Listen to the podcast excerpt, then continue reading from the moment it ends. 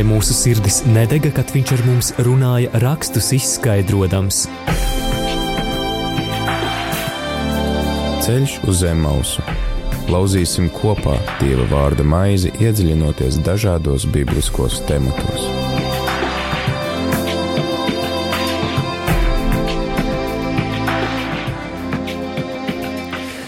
Slavēts Jēzus Kristus, skan radio Marija, mans vārds ir Māris Veliks, un tiekamies raidījumā Ceļš uz Zemmausu. Raidījums skan ceturtdienās pulksten piecos ar atkārtojumu sestdienās 11. vakarā. Arī šodien mēs turpināsim lasīt un studēt Dieva vārdu. Un, dargo klausītāji, paliec pie sava radioaparāta, ja vēlies labāk sagatavot savu sirdi Kristus dzimšanas svētkiem, kurus mēs svinēsim jau pavisam drīz, jo raksturvietu, kur, raksturvieta, kuru mēs esam izvēlējušies šī vakara Bībeles studijām, ir tieši par Kristus dzimšanu. Un, ja tev, draugs, ir iespēja sagatavot savu svēto rakstu izdevumu, tad uzmeklē Lūkas evaņģēliju otro nodaļu. Šodien mēs lasīsim otro nodaļu no 1. panta līdz 21. pantam, un šovakar Dieva vārdu mums labāk palīdzēs saprast mācītājs Ivo Pavlovičs. Sveicināti! Labvakar, labvakar! Jūs jau noteikti esat pazīstams radio Marija klausītājiem, bet tiem, kas varbūt pirmo reizi šo radiostaciju ir ieslēguši, tad pastāstiet lūdzu, kurās draudzēs jūs kalpojat. Jā, es esmu mācītājs Ivo Pavlovičs un kalpoju divās uh, draudzēs, Salkrastos un Skultē. Salkrasts draugs saucās Pēterups pēc vēsturiskā nosaukuma Pēterups, jeb Salkrasts Lutāņu baznīcā, un turpat 8 km tālāk Skultas Lutāņu baznīcā. Kā jūsu draudzēs jau ir jūtama pirmsvētku noskaņa? O, jā, mums, kā vienmēr pirms svētkiem, mēs cenšamies kaut kādā veidā, abas draudzes arī mēģināt to svētku noskaņu radīt nevien paši sev, bet arī sabiedrībai, kas ir ap mums. Un te ir jāsaka, ka mm, katrai draudzē ir savs projekts, piemēram, Salkras draudzēji, uh, sadarbībā arī ar pilsētu, Salkrastu pilsētu. Mums ir tāds projekts, ka mums ir mm, Betlēmīt, kuru mūsu draudzes locekli, tāda Sandra Lapkovska, ir izveidojusi arī pie baznīcas? Nē, pilsētas Nē? centrā, Saules laukumā. Jā.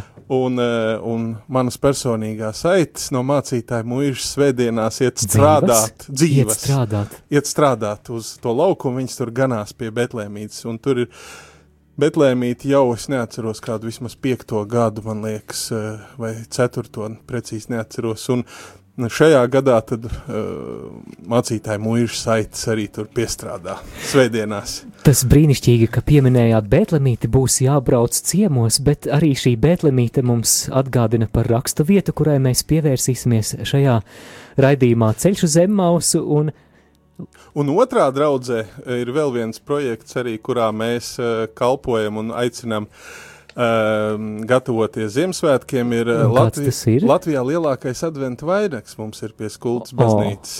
Oh. Vairāk kā 23 metri uh, diametrā.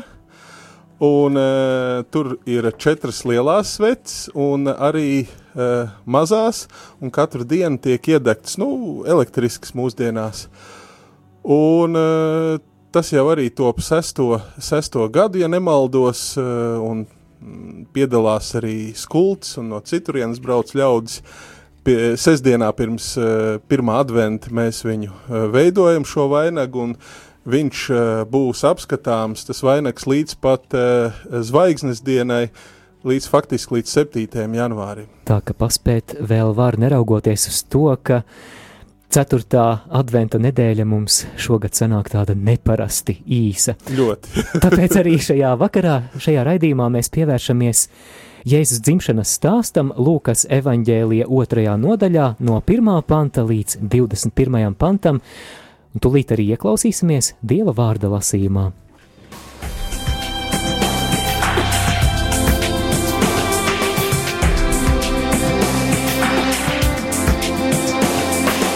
Ceļš uz zem mausu katru ceturtdienu, pulkstens 17.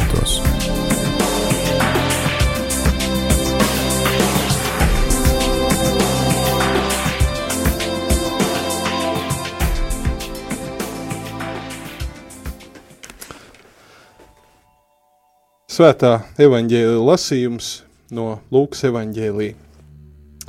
Tanī laikā nāca no ķēzara Augusta pavēle uzrakstīt visus valsts iedzīvotājus.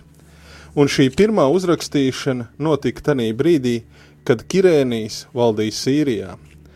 Tad visi nogāja pierakstīties katrs savā cilts pilsētā, arī Jāzeps no Galilejas, no Nāceretes pilsētas nogāja uz Jūdejas Dāvida pilsētu vārdā Betlēmi, tāpēc, ka viņš bija no Dāvida nama un cilts, ka pierakstītos ar Mariju, savu sadarināto, kas bija grūta. Un tiem turpat esot, viņai pienāca laiks dzemdēt, un viņai piedzima pirmdzimtais dēls, un viņa to ietina autiņos, un lika silē, jo tiem citur nebija vietas tajā mājoklī. Un gani bija ap to pašu vietu laukā, tie nomodā būdami sargāja naktī savus lopus, un tā kunga eņģelis pie tiem piestājās, un tā kunga spožums tos apspīdēja, un tie bijās ļoti. Bet eņģelis uz tiem sacīja: Nebīsties, jo redzēs jums pasludina lielu prieku, kas visiem ļaudīm notiks, jo jums šodien pestītājs dzimis, Dāvida pilsētā, kas ir Kristus tas kungs, un to ņemieties par zīmi. Jūs atradīsiet bērnu, autos ietītu un silē gulošu un piepeši, tur pie eņģeļa bija debespulku draudz. Tie slavēja Dievu un sacīja, gods Dievam augstībā un miers virs zemes, un cilvēkiem labs prāts. Un kad no eņģeļi no tiem bija aizgājuši uz debesīm, tad gani runāja savā starpā. Ejam tad nu uz Bētlēm raudzīt, kas noticis, ko tas kungs mums licis paziņot. Un tie steigdamies nāca un atrada gan Mariju, gan Jāzepu un bērniņu silē gulošu. Bet to redzējuši tie izpauda to, kas tiem bija sacīts par šo bērnu. Un visi, kas to dzirdēja, izbrīnījās par vārdiem, ko gani tiem bija sacījuši. Bet Marija visus šos vārdus paturēja prātā, tos pārdomādam savā sirdī. Un gani griezās uz mājām, godāja un teica Dievu par visu, ko tie bija dzirdējuši un redzējuši, tā, kā tiem bija sludināts. Kad astoņas dienas bija pagājušas un bērniem bija jāapgreiz, tad viņa vārdu nosauca Jēzus, kā to eņģelis bija teicis, pirms viņš bija iedzimis mātes miesās. Āmen!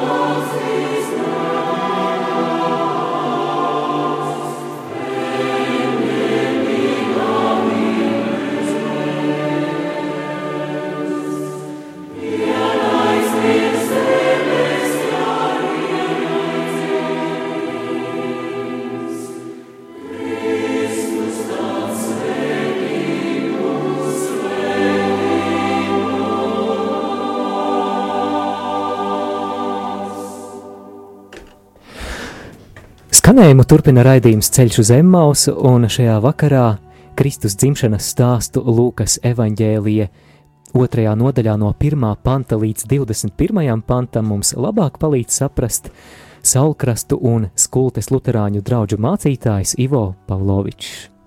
Jā, mēs lasām par Kristus dzimšanas stāstu, un eh, šis ir viens no skaistākajiem stāstiem un stāstiem, jāsaka tā, visā mūsu mm, Eiropas civilizācijā arī šis uh, Ziemassvētku laiks ir viens no siltākajiem, mīļākajiem, varbūt sirsnīgākajiem. Uh, neskatoties to, ka arī mums šeit uh, Latvijā varbūt šis laiks ir arī tagad nu, nepārāk tāds uh, laika apstākļi. Laiks ir tumšs, uh, mitrs, uh, pat sniega nav, nepārāk patīkams.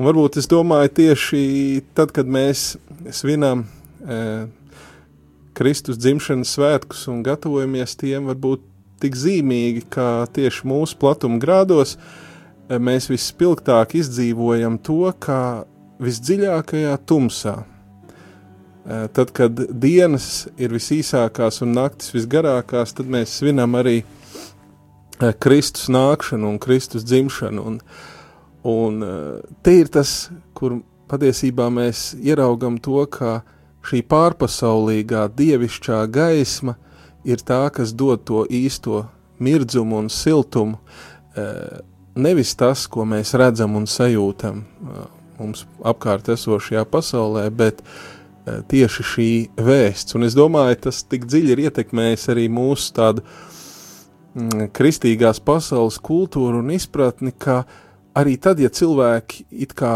nedefinē sevi par kristiešiem, tomēr aiziet no tās vēsts, eh, pat tā, tādā pat abstraktā veidā īsti nav iespējams, jo vienmēr cilvēki runā par siltumu, par gaišumu, par gaismu, bet piedodiet, gada tumšākais laiks.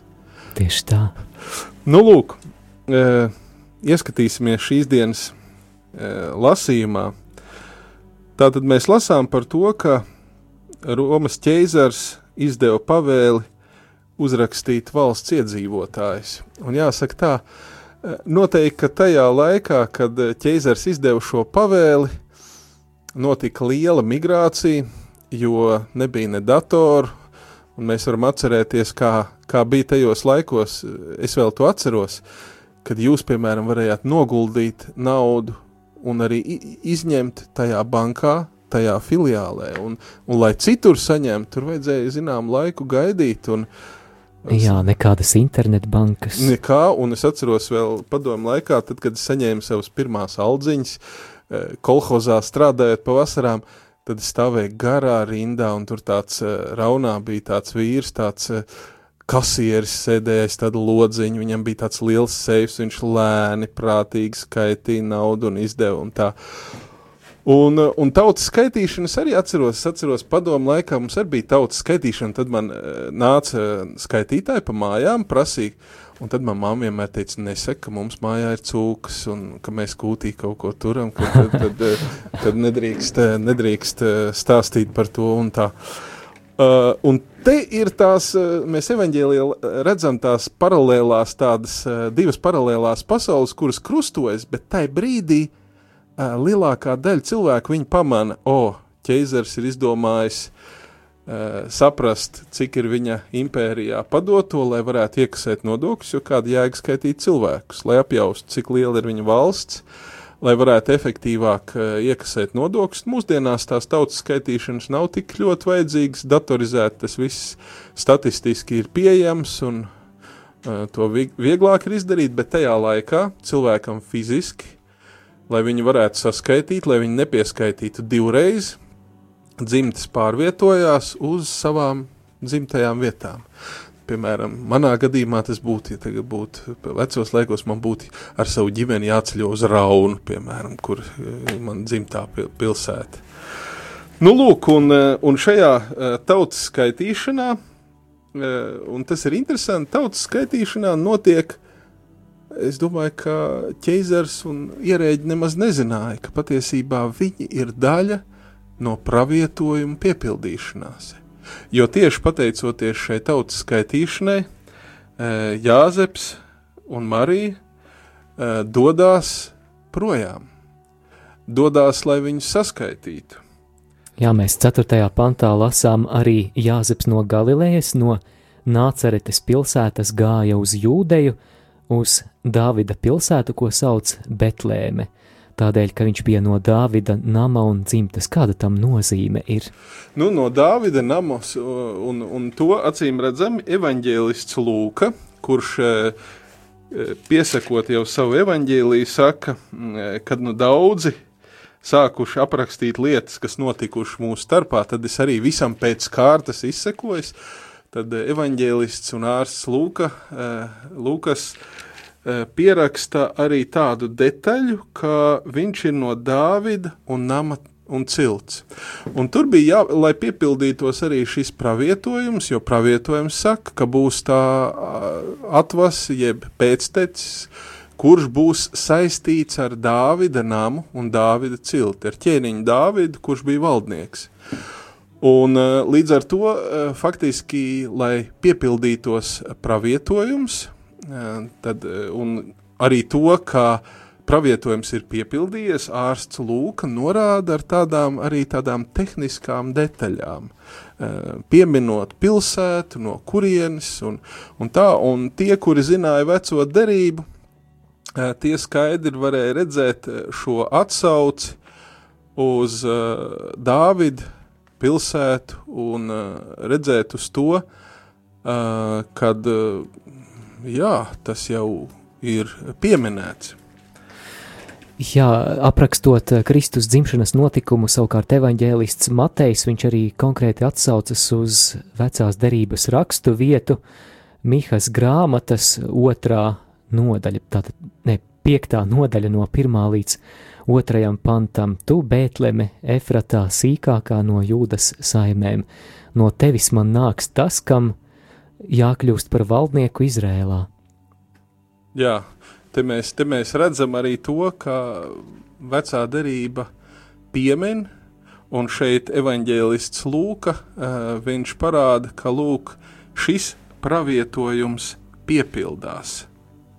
Cik interesanti, ka šie vēsturiskie apstākļi, šī vēsturiskā situācija, ķeizars, kurš izdod pavēli pierakstīt tautu, tā kalpo kā tāds instruments dieva rokās, lai patiešām šis pravietojums piepildītos līdz geogrāfiskai precizitātei, vai varētu tā apgalvot? E, pilnīgi, un, un dažreiz mums kā kristiešiem mūsdienās var likties, o, lai Dievs darbotos, lai cilvēks būtu par dievu instrumentu, viņam noteikti jābūt varbūt kristietim vai īpaši dievbijīgam, vai viņam jā, jāapjauš savu misiju un savu kalpošanu, bet kā mēs to redzam arī kā piepildās eh, evaņģēlijos vecās derības projektiem, mēs ieraugam interesantu lietu, ka, piemēram, lai piepildītu Dieva gribu, tas cilvēks pat var neapzināties, ka viņš ir piemēram, dieva ierocis, vai viņš ir līdzeklis, lai dievs izpildītu savu gribu.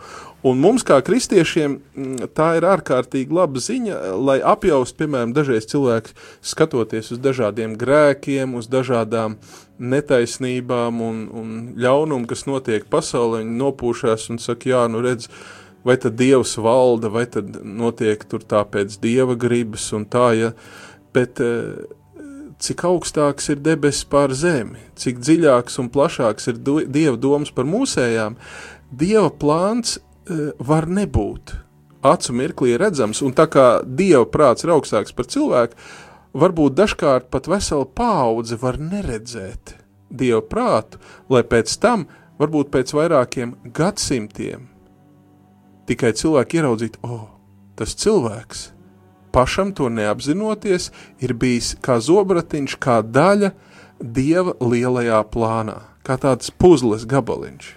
Tas ir tik interesanti, ko jūs sakāt, pat tad, ja liekas, ka tas ir pretrunā dieva plānam, kad jūs eh, šo minējāt, tad uh, es atcerējos vienu rakstu vietu no apstuļu darbiem, no ceturtās nodaļas, kur ir pieminēts Hērods un Poncijs Pilāts, un te ir rakstīts, 28. pantā tie apvienojušies, lai darītu to, ko tava roka ir gribējusi, un kas jau iepriekš bija tavs nodoms, cik apbrīnojami Dievs pat, pat tās mūsu nepareizās izvēles pat, pat iekļauj kaut kāda lielāka nodoma Jā, un, izpildīšanai. Un atcerieties, arī ir tā rakstu, rakst, rakstīts par, par augsto priesteri.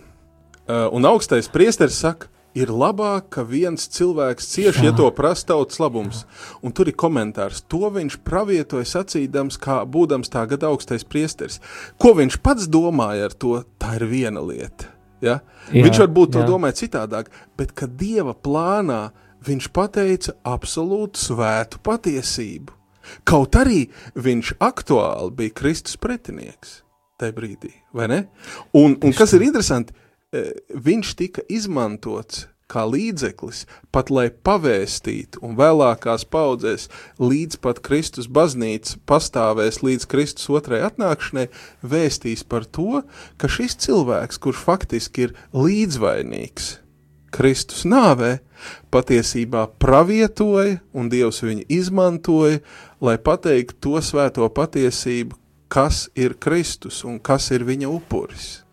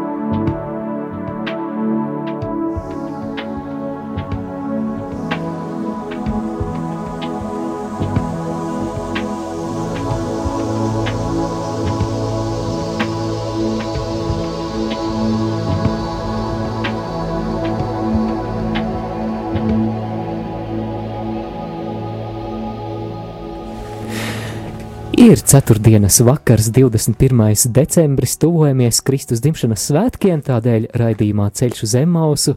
Šoreiz Kristus dzimšanas stāsts no Lūkas evaņģēlija otrās nodaļas, un studijā šajā vakarā kopā ar mums Saulkrastu un Skultes Luteri, Luterāņu draugu mācītājs Ivo Paulovičs. Lūkas evanģēlija otrajā nodaļā, sastajā pantā mēs lasām, viņiem tur esot, tai pienāca laiks dzemdēt, un viņa dzemdēja dēlu, savu pirmdzimto, ietina viņu autiņos un guldīja silē, jo tiem nebija vietas augšistabā. Jā, dzemdības katrs, kurš ir tēvs, māte, kurš ir piedalījies šajā skaistajā procesā, vienmēr zina, ka aptuveni mēs zinām to laiku, bet to dienu un stundu mēs nekad nezinām.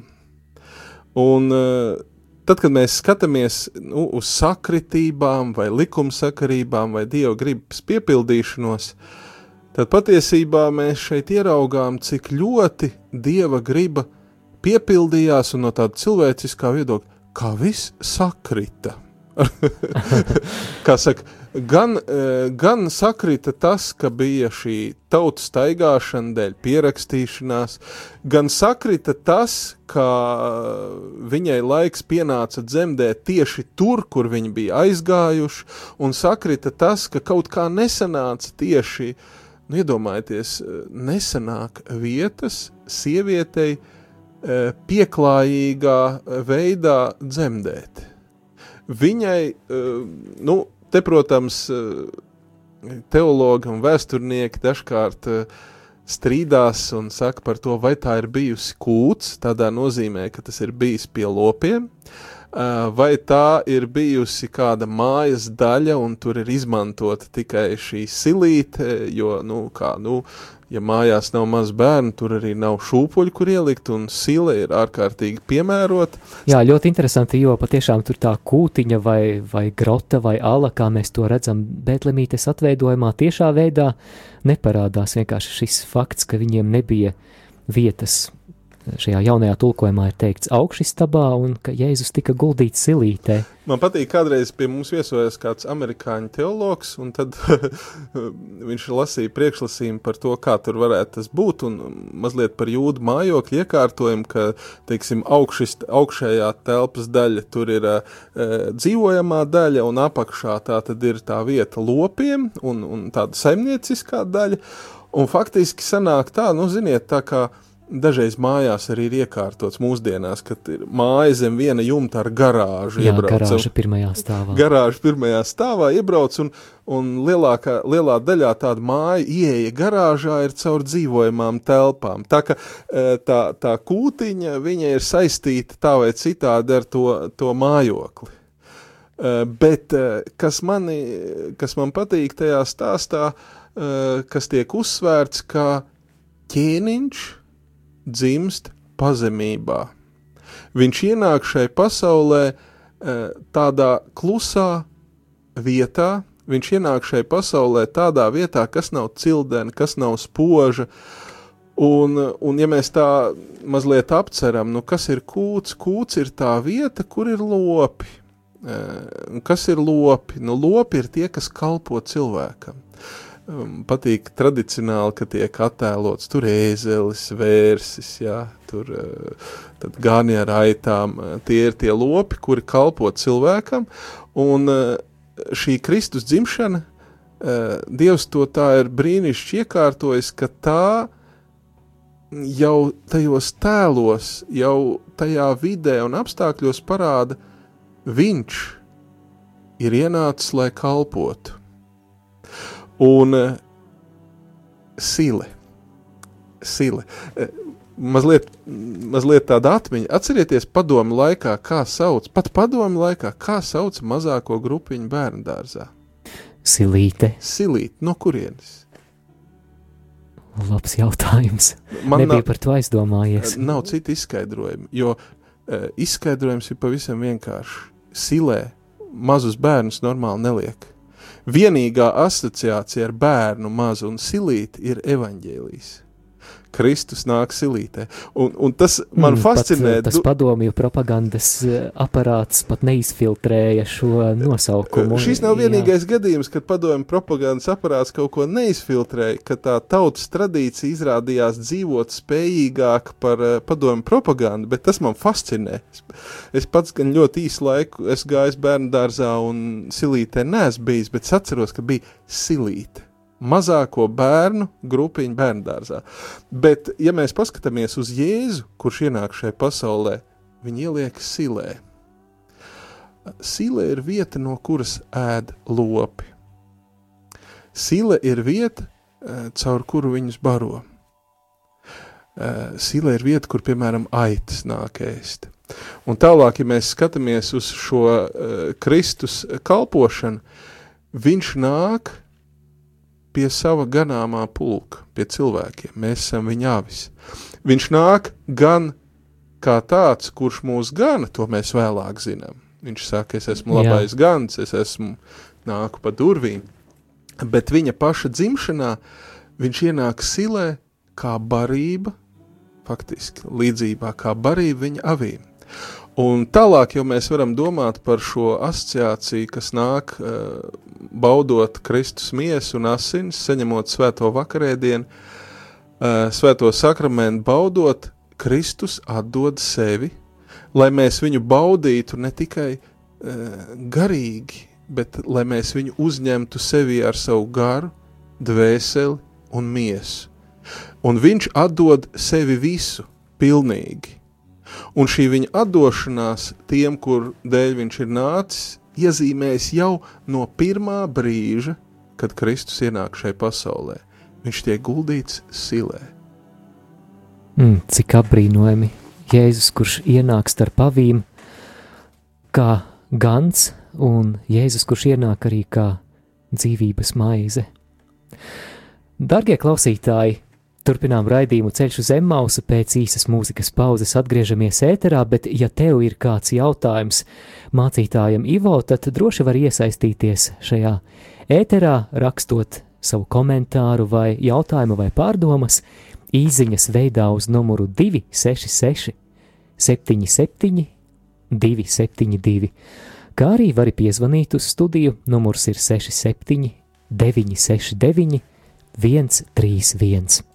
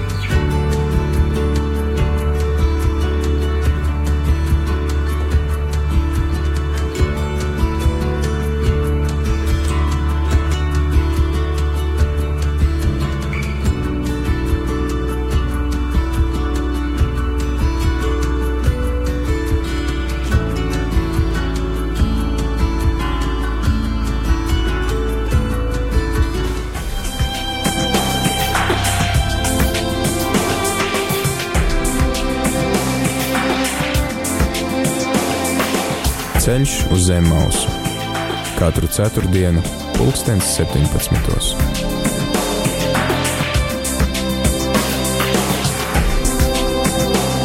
Šoreiz turpinām gatavoties Kristus dzimšanas svētkiem, lasot Lūkas evanģēlija otro nodaļu no 1 līdz 21 pantam. Pirms brīža mēs aplūkojām pašu Jēzus dzimšanas faktu, Pārdomājām par Jēzu, kurš ienāk starp pavīm, ienāk kā labais gans, kā arī vēlāk viņš to atklās savā misijā un sludināšanā, un ienāk arī kā barība, atgādinot arī par to, ka viņš ir dzīvības maize. Bet, lūkojoties šajā tekstā tālāk, mēs arī satiekam vēl kādus varoņus šajā stāstā, un tie ir ganiņi. Jā, ir interesanti, ja mēs tā salīdzinām tos, kuri atnāk pie Jēzus. Mēs pēc kāda laika svinēsim arī, kad nāks gudrie, austrumu gudrie, nāks pie Jēzus. Un pirmie, pirmie, kuri ierauga Jēzu, ir eņģeļa uzrunāti gani, kuri turpat tuvākā apkārtnē laukos gan avis. Un arī interesanti tāda debesu diplomātija. Ziniet, savstarpēji, piemēram, starpvalstu diplomātijai ir arī savi principi, kā sazinās. Ja? Piemēram, tur, tur līmenis, tur, piemēram, prezidentu līmenis. Tagad uh, mūsu prezidents gatavojas braukt uz Ameriku, ja tur diplomātiskais korpus veids sarunas, kā viss būs, kā viņus uzņems, kur ies, kam roku dos un, un tam līdzīgi. Un uh, interesanti, ka tā ir arī tā debesu diplomātija, jo, nu, kas diplomātiju veido sūtņi. Jā. E, un vēstneši un angelos, jeb eņģelis, viņš ir vēstnesis, un tādā ziņā svētajos rakstos dažkārt pat ir tā, tā robeža grūti nojaušama, vai runa par cilvēku, kā eņģeli, kā, jā, kā sūtni. Kā sūtni vai runa par dievišķu būtni, dievu garīgu radītu būtni, kura no dieva nāk no, no, no, no debesīm. Un tā dievišķā diplomātija ir tāda, ka dievs sūta savus vēstnešus pie tiem cilvēkiem, kuri nav lieli.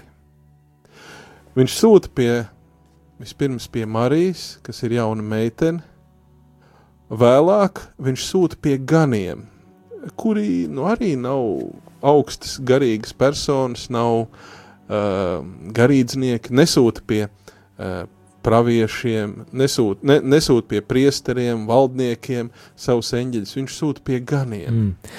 Arī pirms brīža kādā komentārā es lasīju, ka gani kā sabiedrības nabadzīgā daļa, un reizēm pat arī no pārējās sabiedrības viņi bija nicināti un uh, arī reizēm pat uzskatīti par zagļiem. Viņi tā, tā kā mazliet ar humoru varētu teikt, neatšķīra to, kas ir mans un kas ir tavs. Nu, jums iedomājieties, viņiem... tūkstots aitas, nu tur jā. desmit šurp turp, kurš var izskaidrot. Jā, un ka tāpēc viņiem pat uh, gana liecība tiesā neskaitījās kā liecība tāds fakts, un tad, nu, Dievs izvēlas atklāties tieši šādai sabiedrības daļai. Jā, vispirms uh, Dievs uzrunā sievieti, kuras liecība arī, nu tā, jā. Ja? pēc tam ganiem. Ja? Bet interesanti ir, kā, kā, kā Dievs runā. Piemēram, austrumu gudrie, viņi skatās zvaigznēs, viņi lasa pravietojumus, bet viņu pravietojumu viņus atved kur? Nu, viņiem nav šīs debes diplomātijas, viņi atnāk uz ķēniņa pili. Pie Jā. Kristus faktiski vēlāk ienaidnieki un vajātāji pirmā. Uh, kur ir ķēniņš? Viņi ir pārsteigti, kas par lietu. Un tālāk viņi jau dieva vadīti atnāk un atrod Jēzu jaundzimušo. Bet eņģeļiem viņi neko nemeklē, viņi zvaigznēs neskatās, viņi īpaši neko nelasa. Pie šiem vienkāršiem cilvēkiem eņģelis atnāk un runā tieši. Un vēlāk mēs varam skatīties, ir ārkārtīgi interesanti, ka Jēzus izvēloties apstuļus, izvēloties tos, kuri uh, viņam kalpos, viņš arī neizvēlas, neizvēlas augstdzimušus, izglītotus, labi skolotus, bet viņš izvēlas cilvēkus, kuri uh, dažkārt pat ir neizglītoti, varbūt pat neprot lasīt, viņi ir vienkārši darba strādnieki. Un faktiski šī evaņģēlīja vēsts nāk no apakšas. Tādēļ, mazliet ejot tālāk uz priekšu, mēs varam sacīt, ka uh, Uh, evaņģēlīja vēsts pasaulē vēlākos gados, jā, diemžēl kristietība ir izplatījusies arī ar valsts varas un, un militāru spēku un atbalstu, bet tas fantastiskākais un skaistākais, ka šī vēsts ir izplatījusies no apakšas, no sabiedrības apakšas, kur nav nekādas iespējas, ka šo vēsti kāds ar militāru, finansiālu, ekonomisku, politisku spēku varētu virzīt. To virza cilvēki, uz kuriem ir runājis Dievs. Un tas ir spēcīgāk, un tas ir svarīgāk un nozīmīgāk par to, kas šiem cilvēkiem pieder vai kas ir viņi paši. Cik Man augstu stāvokli viņi ieņem? Šeit ienāca prātā tas, ko apustulis Pāvils pirmajā vēstulē korintiešiem pirmajā nodaļā raksta par korintas kristiešiem, jo dieva muļķība ir gudrāka par cilvēku gudrību, un dieva nespēks ir daudz stiprāks par cilvēku spēku, un tālāk 26. pantā viņš turpina neaizmirstiet, brāļi, kādi jūs bijāt, ka tikāt aicināti. Ne jau daudzi pēc cilvēku sprieduma jūs bijāt gudri, Ne jau daudzi bijāt vareni vai augsti dzimuši, bet Dievs izredzēja to, kas ir muļķīgs pasaulē, lai liktu kaunā gudros, un to, kas ir nespēks pasaulē, lai liktu kaunā stipro. Tieši tā. Un mēs arī, ja ielūkojamies Jēzus dzimšanas stāstā Mateja evaņģēlijā, mēs redzam arī tās augstākās sabiedrības, ja tā var teikt, valdošo aprindu reakciju ķēniņš Hērods, kurš atšķirībā no šiem ganiņiem ir nocietināts tajā evaņģēlīja vēstī un ir gatavs arī uz atriebības pilnu vardarbību. Jā, viņš, eh, saka, eh, viņš liekulīgi saka gudrajiem, pasakiet, lai es arī viņu nāktu pielūgt, bet mēs redzam, ka tā pielūgšana patiesībā izvērtās nežēlīgā jaundzimušu bērnu izkaušanā. Un brīnišķīgi ir tas, ka uh, tas varētu būt tāds jautājums, bet kāpēc tā? Kāpēc Dievs atklājas nemācītajiem? Kāpēc Dievs atklājas un kāpēc tā Kristus ienākšana šai pasaulē ir tieši tāda? Un, un tas, tas, tas, tā atbilde ir rodama pēc tam, kad, piemēram, jau apustuļi nāk un runā un sludina, un tad ir tā atsauce, viņi bija nemācīti. Un tad cilvēki tajā, ka cilvēki nav mācīti, var ieraudzīt šo dievišķo dzirksti, šīs dievišķās patiesības dzirksti, kas runā skaļāk par skaistu nostādītu balsi, pareiziem oratoru, eh, nu, oratoru paņēmieniem, izkoptu valodu un tam līdzīgi.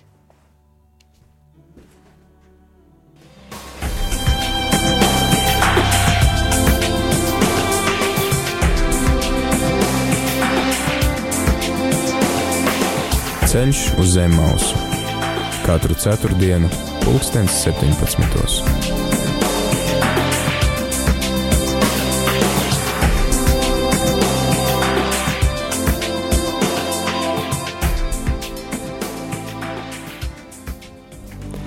Turpinām raidījumu ceļš uz Emmausu, šoreiz aplūkojam Kristus dzimšanas stāstu Lūkas evaņģēlijā.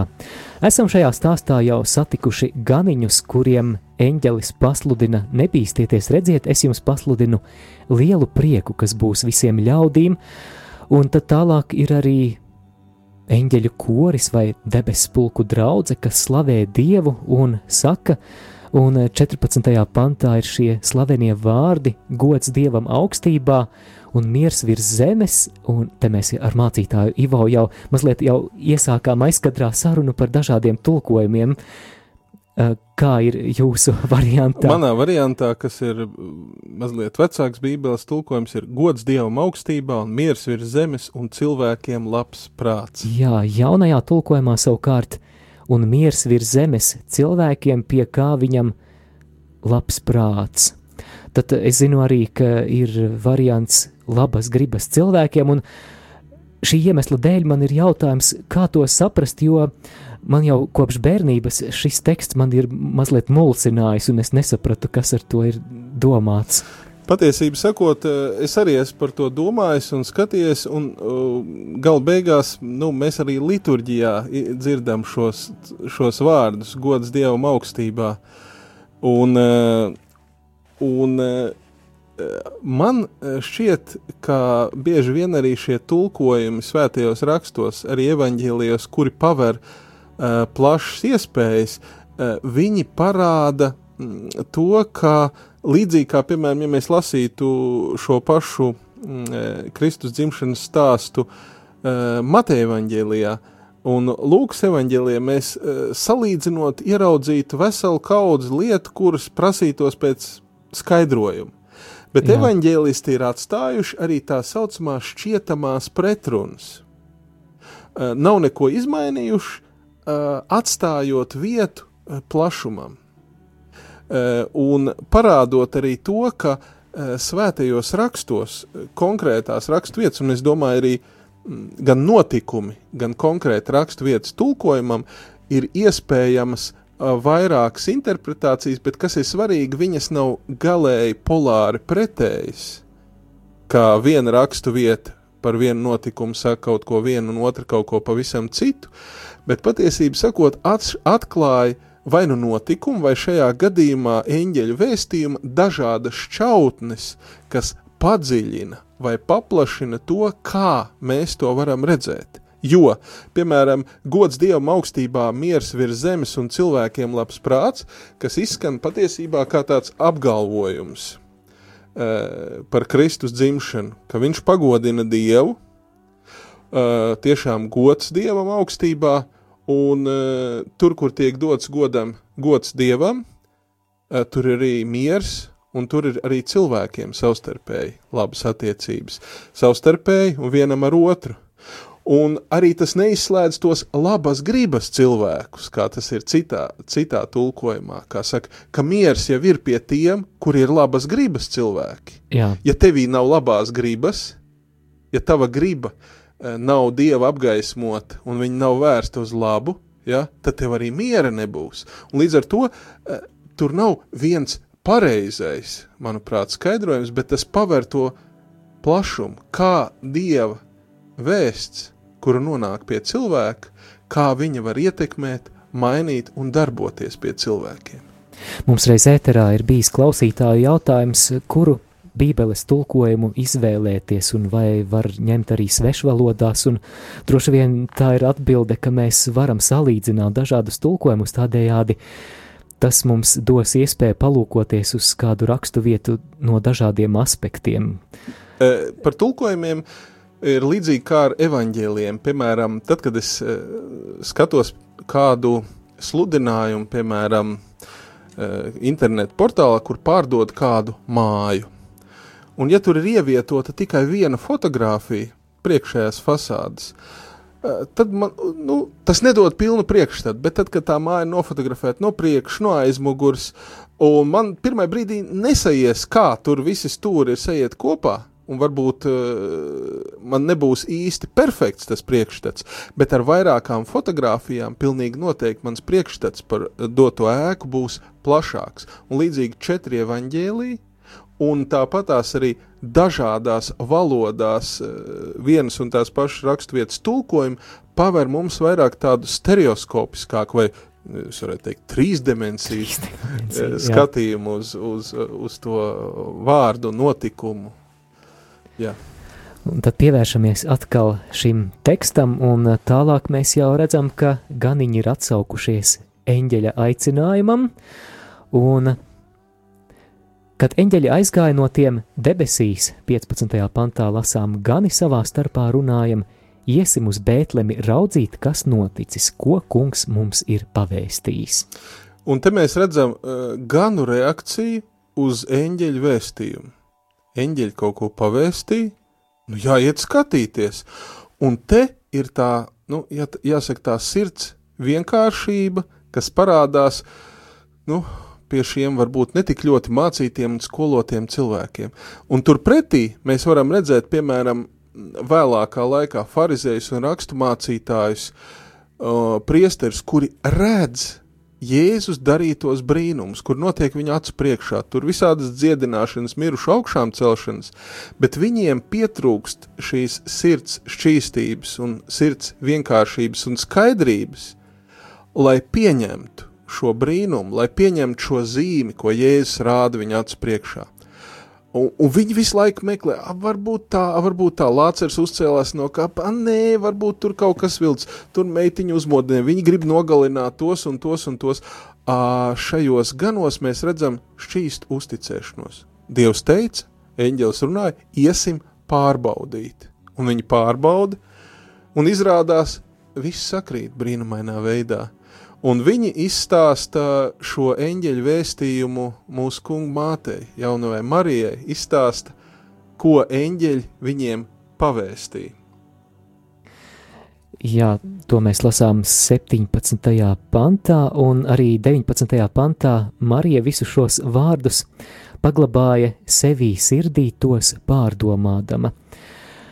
Strauji tuvojas noslēgumam mūsu laiks, un te vēl varētu uzkavēties ilgi un ilgi pie šīm rakstu vietām, pie šiem pantiem, kurus vēl mēs detalizētāk neesam paguvuši aplūkot, bet es eh, redzu, ka 20. pantā gani griežas atpakaļ teikdami un slavēdami Dievu par visu, ko bija dzirdējuši un redzējuši, un pirms šī raidījuma, kad es pārlasīju šo rakstu vietu, man iešāvās prātā tāds jautājums vai pārdomas, Eņģelis pasludina, ka Dāvida pilsētā Bētlemē ir dzimis Mesija, Kristus.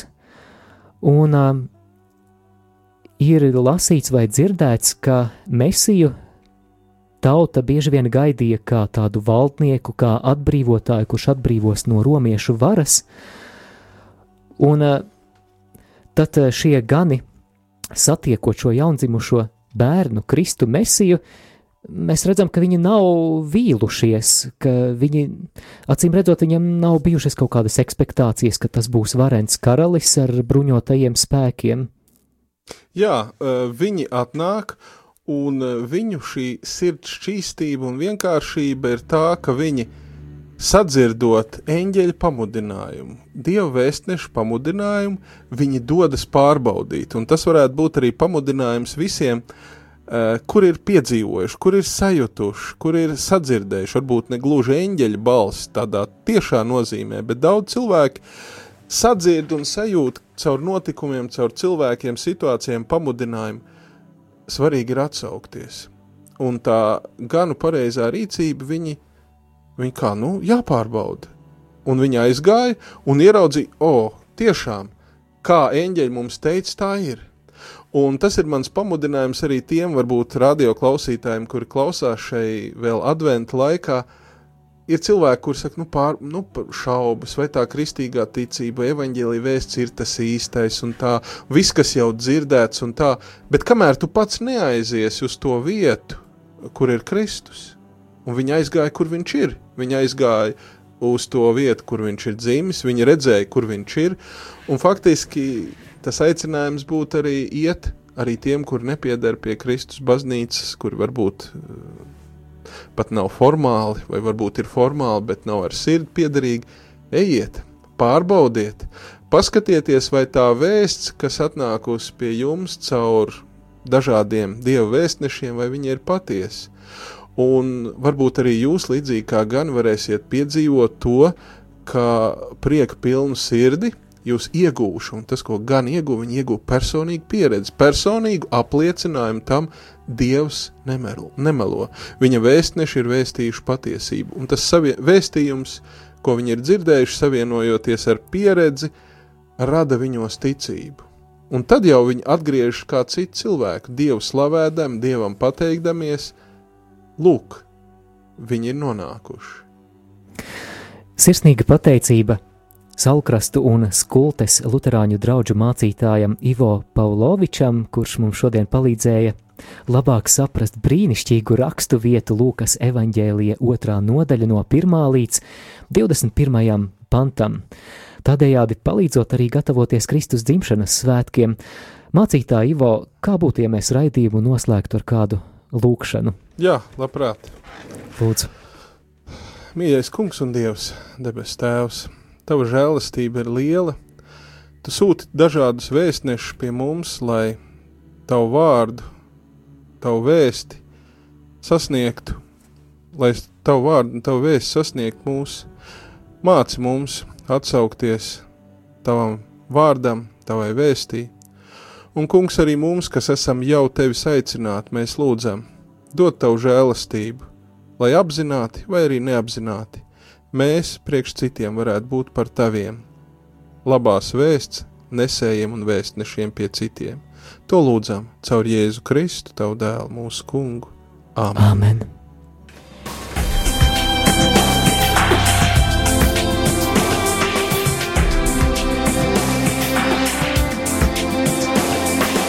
Ceļš uz zem mausu katru ceturtdienu, pulkstens 17.